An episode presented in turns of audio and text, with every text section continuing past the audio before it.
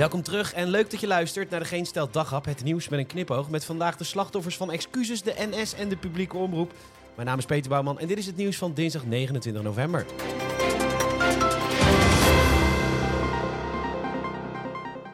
Ja, maar wacht eens even. Wat als je je straks geen slachtoffer meer kunt voelen? Want dat gaat gebeuren als Nederland straks excuses gaat maken voor het slavernijverleden. En dus zijn nu veel mensen die zich slachtoffer voelen van de inhoud van de excuses. En de excuses aan zichzelf al. En dat deze excuses toch wel heel snel komen, maar toch ook eigenlijk veel te laat komen. En dat de excuses daarom misschien wel niet gemeend genoeg zijn. Oh, en dat minister Weerwind Surinaamse wortels heeft. En dat Nederland dan misschien ook excuses moet maken voor de excuses. En wat als de excuses niet geaccepteerd worden? Moeten daar dan ook excuses voor komen? En hoe formuleer je die excuses dan? En is dan iedereen het met die excuses eens? Hoe zit het dan met de tone of voice? En is iedereen het dan eens met die toon? En moet daar dan ook excuses voor komen? What am I gonna do to make you love me?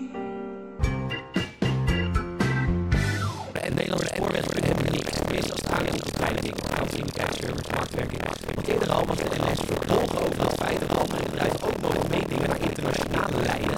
Vandaag nu wordt geding van verschillende vervoersbedrijven die wel wat stoptreinen willen inzetten op trajecten waar de NS nu monopolist is. En de Nederlandse staat wil voor de periode 2025-2034 wederom onderhands de NS een overgrote deel van het spoornetwerk gunnen. En dat is natuurlijk nogal vreemd, omdat de overheid 100% eigenaar is van de NS en diezelfde overheid die onderhands een gunning gaat uitdelen. Dat bovendien strijd met Europese regels. De inzet van bedrijven als Arriva en Connection is minstens een komt. De waarschuwt ondertussen dat als de NS die monopolie niet meer heeft, de NS die monopolie niet meer heeft. En dat is dan echt heel erg voor de NS, want anders moet de NS leveren en zijn werk doen. En dat is de NS absoluut niet van plan. Ook een soort NS met publieke omroepen. Uh, en ze krijgen het nog gemakkelijker, tenminste op het radiovlak. Want commerciële partijen mogen bij de concessie van de FM-frequenties maximaal drie zenders afnemen. Want David Talpa, die er weer vier heeft, Radio 10, Sky, 538 en Veronica. Ondertussen geldt dit allemaal natuurlijk niet voor de publieke omroep. Want die natuurlijk bijvoorbeeld Radio 5 gericht op de 55-plussers. Kosten 7,4 miljoen euro per jaar, marktendeel 6,4 procent. Nou ja, ouderen luisteren in een beetje naar de radio. 3FM kost een stuk meer, meer dan 10 miljoen euro per jaar, marktendeel 2,6 procent.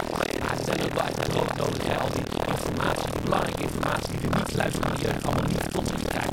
Buiten Radio 1 en Twikkels, al die flutzenders eromheen, de belasting betalen weer 30 miljoen euro.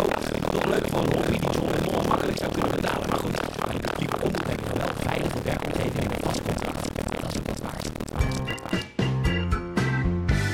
Nederlanders zijn kwetsbaar bij een ramp en dus moeten alle Nederlanders een pakketje racistische nog zeker twee dagen kunnen overleven. En mocht er bijvoorbeeld een aanval komen van Rusland of China en ik stond er eerlijk gezegd ook niet bij stil, dus ja, zo niet weten.